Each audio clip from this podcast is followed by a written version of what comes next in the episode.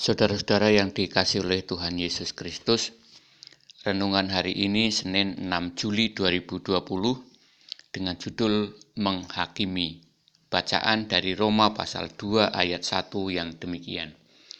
Karena itu, hai manusia, siapa pun juga engkau yang menghakimi orang lain, engkau sendiri tidak bebas dari salah. Sebab dalam menghakimi orang lain, engkau menghakimi dirimu sendiri karena engkau yang menghakimi orang lain melakukan hal-hal yang sama. Saudara, penghakiman apa pun yang saudara berikan kepada orang lain adalah penghakiman yang saudara berikan kepada diri sendiri.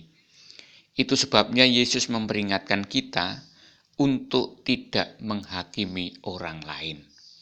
Firman Tuhan di atas berkata bahwa sesungguhnya saudara melakukan hal yang sama dengan yang dilakukan oleh orang lain yang saudara hakimi.